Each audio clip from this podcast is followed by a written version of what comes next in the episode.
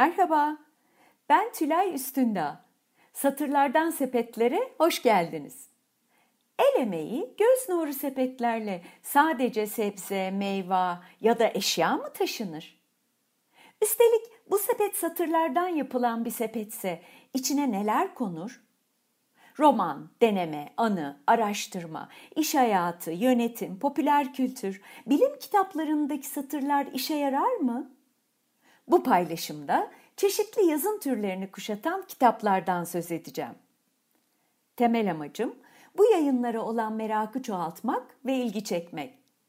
Anlık da olsa satırlar hakkında düşünmeyi sağlamak. Öyleyse belki de satırlardan sepetlere, sepetlerden yaşama uzanacağız. Haydi başlayalım.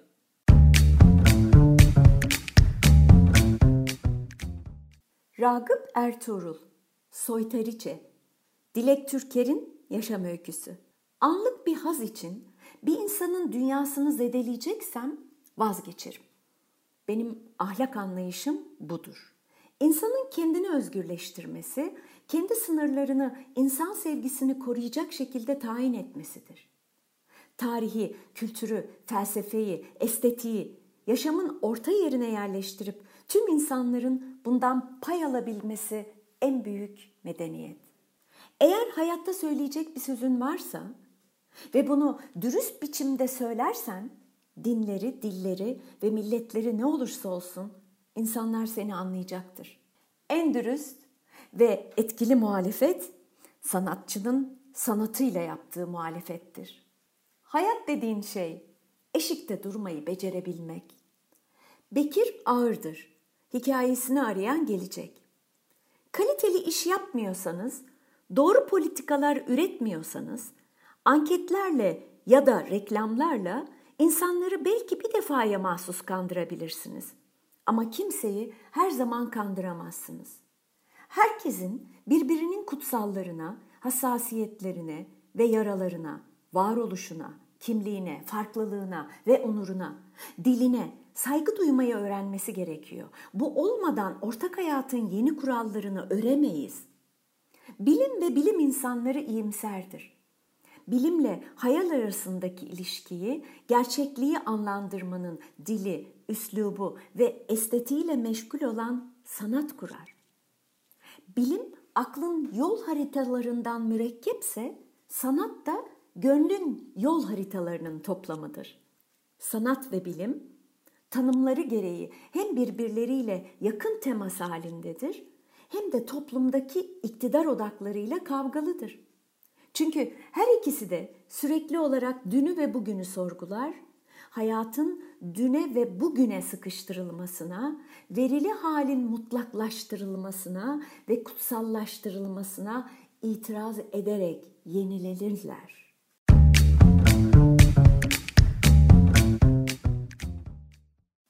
Gülten Ülgen Anılarla kültürel çizgiler. Bir çizgi yok mu içinde? Ta içinde insanın.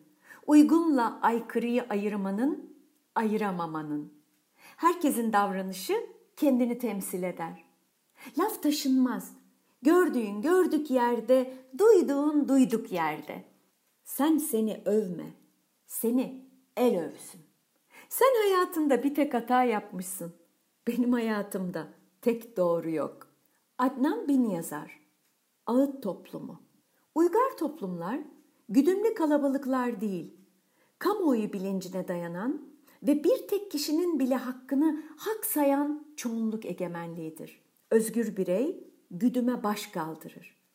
Dinci temele dayanan yönetimlerde bu yoktur. Okumasızlık kişiyi yalnızca bilgi körü yapmaz. Onun duyarlılığını da kütleştirir.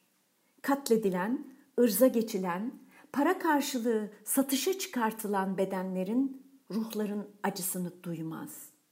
İç rahatlığıyla davranmak, iç rahatlığıyla konuşmak, özellikle iç rahatlığıyla düşünmek erdemli insanın işidir. Sıradan insan hayatı boyunca bunları yapamamanın kuşkusunu yaşar. Eylemiyle düşüncesini birleştirmiş, ağzından çıkan sözün sorumluluğunu kavramış bir insan çağın insanıdır. Doğayı, çağını, toplumunu, Kendini yargılamayı seçmemiş bir insan, insan olma olanağını başkaları adına kullanıyor demektir. Başkalarının sağladığı özgürlük mü gerçek anlamda özgürlüktür yoksa kendi içimizde yarattığımız tutarlılık mı?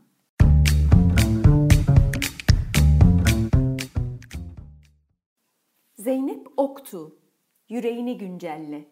Düşüncelerimizi yeniden yorumlayarak duygularımızda yarattığımız değişim ve davranışlarımızın kendi seçimimizde olduğunu hissetmenin sağladığı güven, yaşamamızdaki en güzel deneyimlerden.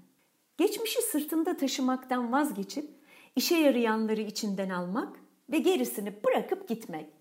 Geliştirilmiş bir özgüvene sahip kişi eleştirilmekten rahatsız olmadan eleştiriyi mevcut durumun ortaya konması olarak algılar, olumsuz özellikleri kendi benlik değerine mal etmeyerek düzeltilebilecek noktaları iyileştirmek için harekete geçer. Gelişim yönünde değişim için davranışların sorumluluğunu koşullardan bağımsız olarak üstlenmek gerek. Alışkanlıklardan vazgeçmek, yeni düşünce tarzları ve yeni tutumlar geliştirmek, yeni davranış modelleri denemek. Kendini sevmenin ilk adımı kendine iyi gelen şeyleri ayırt etmek ve yapmak. İnsanın kendine ait olumlu imajı ne kadar güçlü olursa başkalarının gözündeki imajı için o kadar az endişelenir.